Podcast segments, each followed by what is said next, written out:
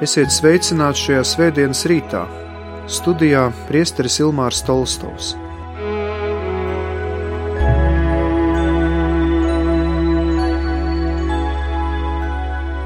Lasījums no Jēzus Kristus evaņģēlija, ko uzrakstījis Svētais Lūkas. Tajā laikā pie Jēzus nāca visi muitnieki un grēcinieki viņā klausīties. Bet farizēji un rakstu zinātāji kurnēja sacīdami: šis pieņem grēciniekus un kopā ar viņiem ēd.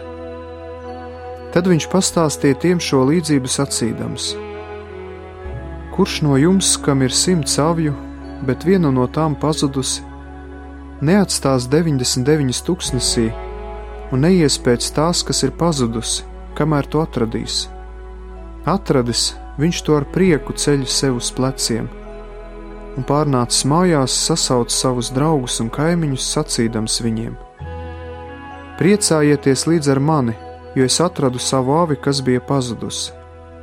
Es jums saku, tāpat arī debesīs būs lielāks prieks par vienu grēcinieku, kas atgriežas, nekā par 99 taisnīgajiem, kam atgriešanās nav vajadzīga. Vai atkal kur gan sieviete, kam ir desmit drachmas, pazaudējusi vienu drachmu, neaizdedz sveci, neizslauka māju un rūpīgi nemeklē, kamēr atrod. Un to atradusi, viņa sasauc draudzenes un kaimiņienes sacīdama: Priecājieties līdz ar mani, jo es atradu drachmu, kuru biju pazaudējusi. Tāpēc es jums saku, Dieva eņģeļiem ir prieks par vienu grēcinieku, kas atgriežas.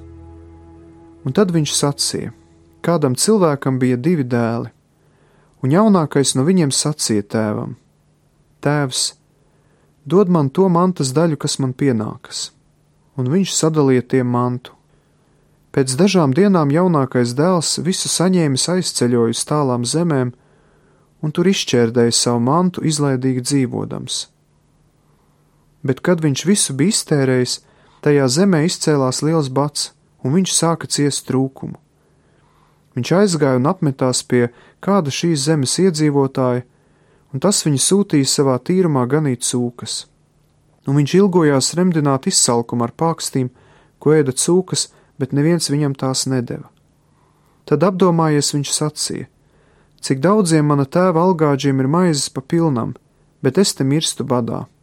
Es celšos, iešu pie sava tēva un sacīšu viņam: Tēvs, es sagrēkoju pret debesīm un pret tevi, un vairs neesmu cienīgs saukties par tavu dēlu pieņem mani kā vienu no saviem algāčiem.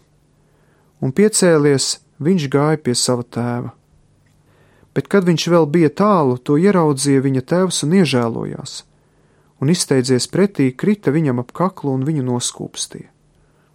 Bet dēls viņam sacīja: Tēvs, es sagrēkoju pret debesīm un pret tevi. Es vairs neesmu cienīgs saukties par tavu dēlu. Bet tēvs sacīja saviem kalpiem: Steigšus atnesiet vislabākās drēbes un apģērbiet viņu. Uzvelciet viņam rokā gredzenu un kājās sandalas. Atvediet nobarotu teļu un nokaujiet, un mēs ēdīsim un dzīvosim, jo šis mans dēls bija miris un ir atkal dzīves, bija pazudis un ir atradies, un viņi sāka līksmoties. Bet vecākais dēls bija tīrumā un nākdams atpakaļ un tuvodamies mājām, viņš izdzirdēja mūziku un dejas troksni. Pasaucis vienu no kalpiem, viņš jautāja, kas tas varētu būt. Tas viņam sacīja: Ir pārnācis tavs brālis, un tavs tēvs nokāva barotu teļu, tādēļ, ka viņu ir veselu atguvis. Bet viņš sadusmojās un negribēja iet iekšā. Tad viņa tēvs izgāja ārā, sāka viņu lūgt, bet tas atbildot sacīja savam tēvam: Redzi, tik gadus es tev kalpoju, un nekad neesmu pārkāpis tavu pavēli. Bet tu nekad man nedevi ne kazlēnu, lai es varētu papriecāties ar saviem draugiem. Un kad ir pārnācis šis tavs dēls, kas tavu mantu ir izšķiedis ar netiklēm, tu viņa dēļ liki nokaut barotu teļu. Bet tēvs tam atbildēja: Dēls, tu vienmēr esi pie manis, un viss manējais ir arī tavs bet vajadzēja dzīvot un priecāties, jo šis tavs brālis bija miris un ir atkal dzīves, bija pazudis un ir atradies. Tie ir svēto rakstu vārdi.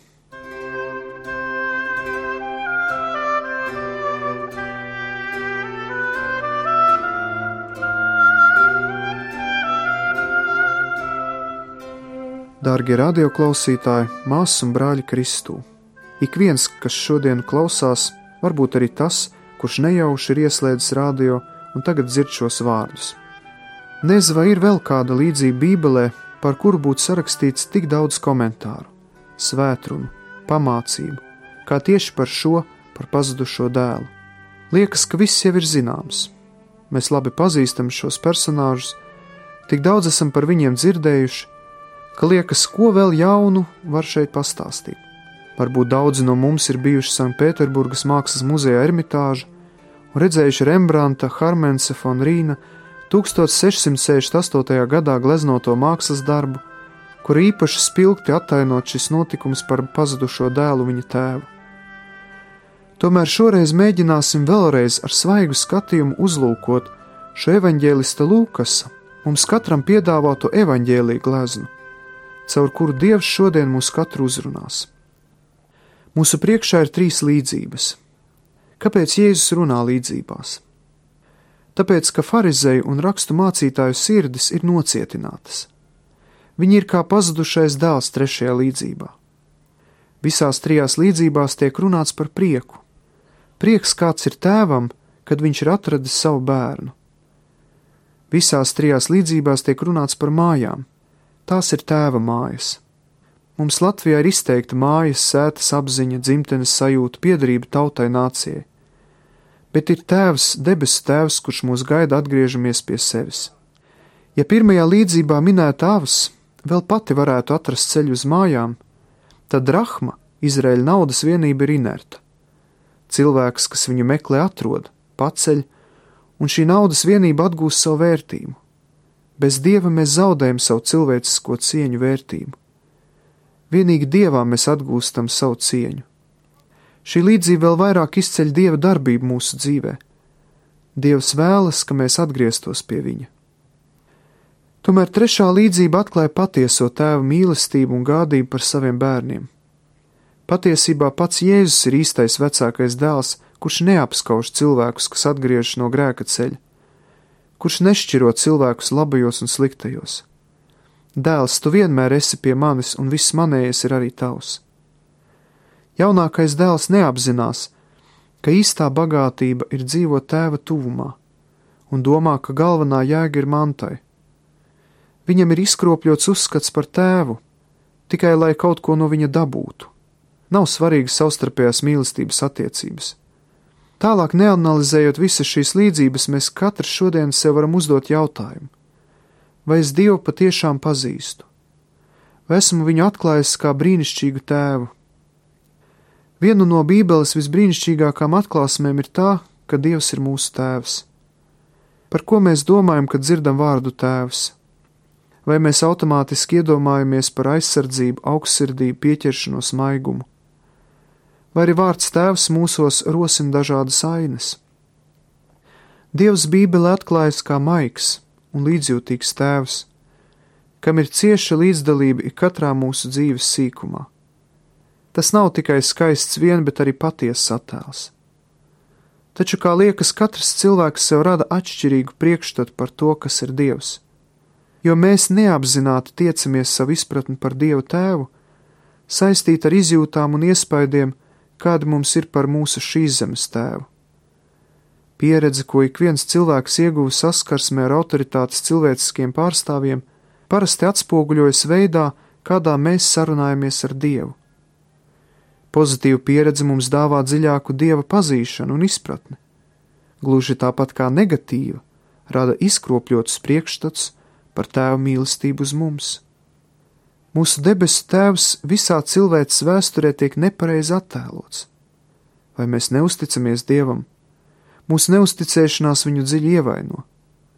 Kas gan notiktu, ja pārodoties mājās pēc garas darba dienas, sieva un bērni aizietu projām brīdī, kad mēs atveram durvis un saucam viņus vārdā? Mēs būtu ievainoti. Mēs esam Dieva bērni, un jau tagad Viņš mūs katru sauc vārdā bet varbūt sirds dziļumos mēs apšaubām viņu uzticību. Dievs saka, es tevi neatstāšu, es tevi nepametīšu, es esmu ar tevi līdz pat laiku beigām. Jūs man droši vien teiksiet, bet ja jau viņš mani tā mīl, Kādēļ tad es to nejūtu, vai kādēļ es viņu neredzu? Ne jau Dievs ir vainīgs, bet gan mēs un tie, kuri personīgi pazīst viņa mīlestību. Pārlieku bieži mēs neesam pratuši būt par viņa balsi un rokām tiem, kas viņu nepazīst. Pārāk maz ir to cilvēku, kur ir ar mieru, ka Jēzus salauztā sirds viņus aizved pasaules tumšajos nostūros, kur mūs gaida nabagi un izmisušie. Jēzu nevilina patīkamās vietas, bet cilvēki, kas cieš. Viņš mums seko ar savu mīlestību, no mūsu pirmā elpas vilciena līdz mūsu nāves dienai. Jo mūsu debesu Tēvs bija klāt dienā, kad mēs spērām savus pirmos soļus. Viņš bija klāt mūsu ciešanu un vilšanās brīžos.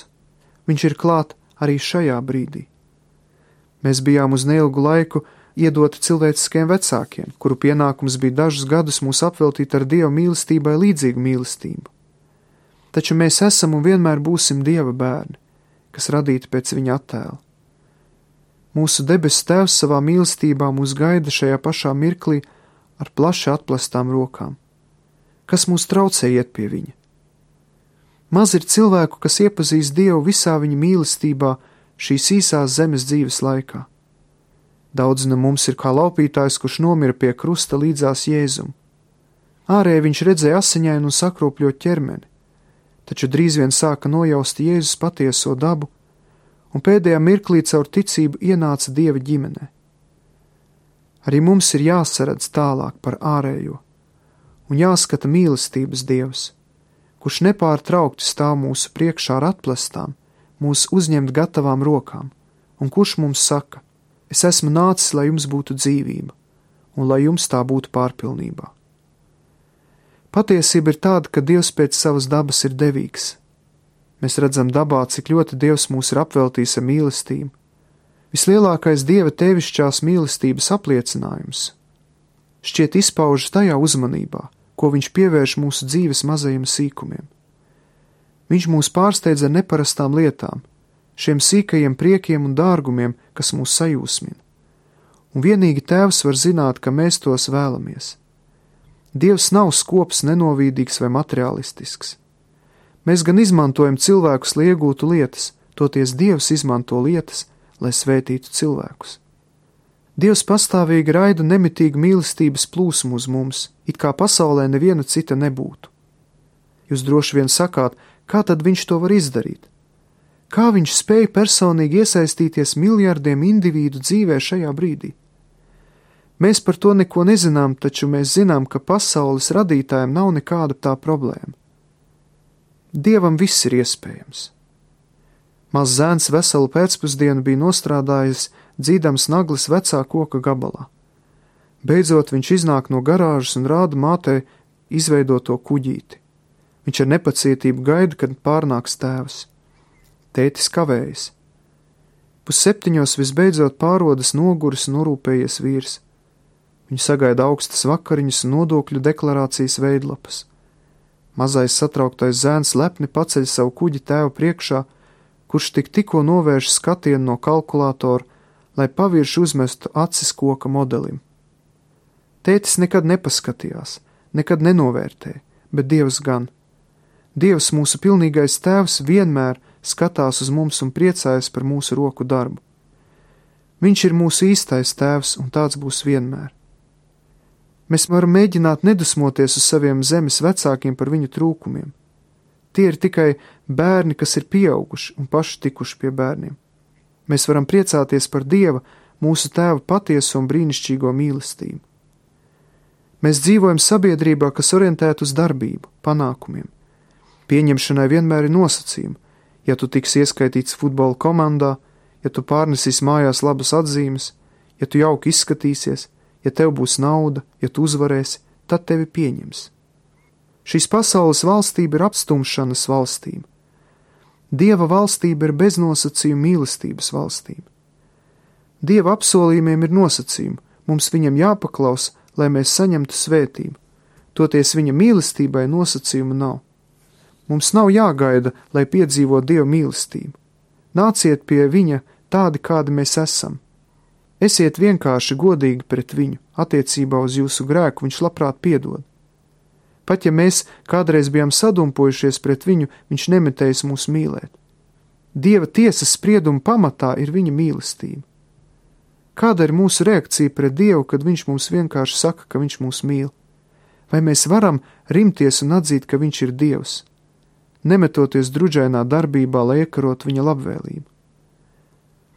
Būt mēs neesam vēl iepazinuši Dievu, vai arī pazīstam Dievu, varbūt ne tā kā mīlošu tēvu, lai šodienas līdzība par pazudušo dēlu mums atklāja vēl vairāk tēva mīlestību uz mūsu dzīvi. Līdzība par pazudušo dēlu paliek it kā nenoslēgta. Līdzība uzrunā klausītāju brīvību, un mums pašiem ir jāizvēlas, kā rīkoties. Bet kā rīkošos es? Tagad nāksim Dievu priekšā lūgšanā, un lūgsim, lai Dievs vēl vairāk šajā svētdienas rītā pārveido mūsu sirdi, ka mēs šodien pieņemtu lēmumu atvērt sirdi Dieva mīlestībai, lai mēs ieaicinātu Jēzu savā dzīvē un lūgtu, lai Dievs mums atklājas kā tēvs, kā mīlošs tēvs, ne kā varbūt tas tēvs, kuru mēs esam piedzīvojuši bērnībā, kurš mūs sāpinājis, par kuru mums ir kādas negatīvas atmiņas, bet kā patiesa Dieva mīlošs tēvs. Šajā Rembrandta glaznā ir attēlots tēvs, kas apkamj savu dēlu ar tēvu mātes mīlestību, ar vīriešu un sievietes roku. Dievs mūs mīl gan ar tevišķu, gan mātišķu mīlestību. Lūksim šodien, lai mēs atvērtu sirdi Dieva mīlestībai, un lai vēl vairāk iepazītu Dievu kā savu tēvu.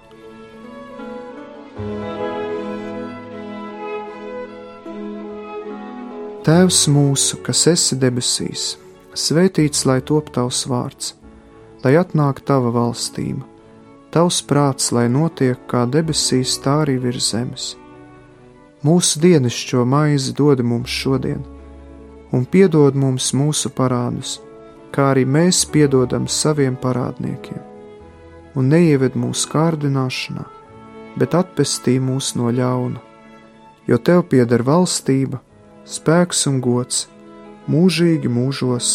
Āmen!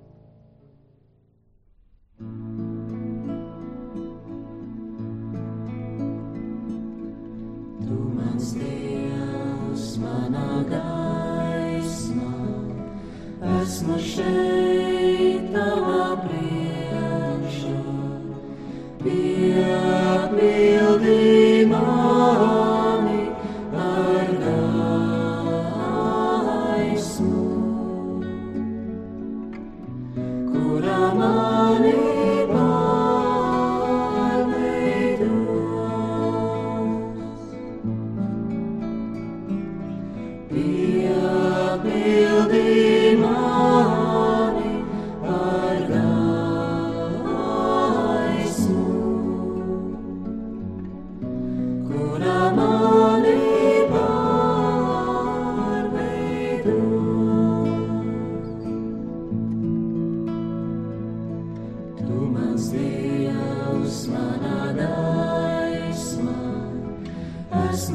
Mani ar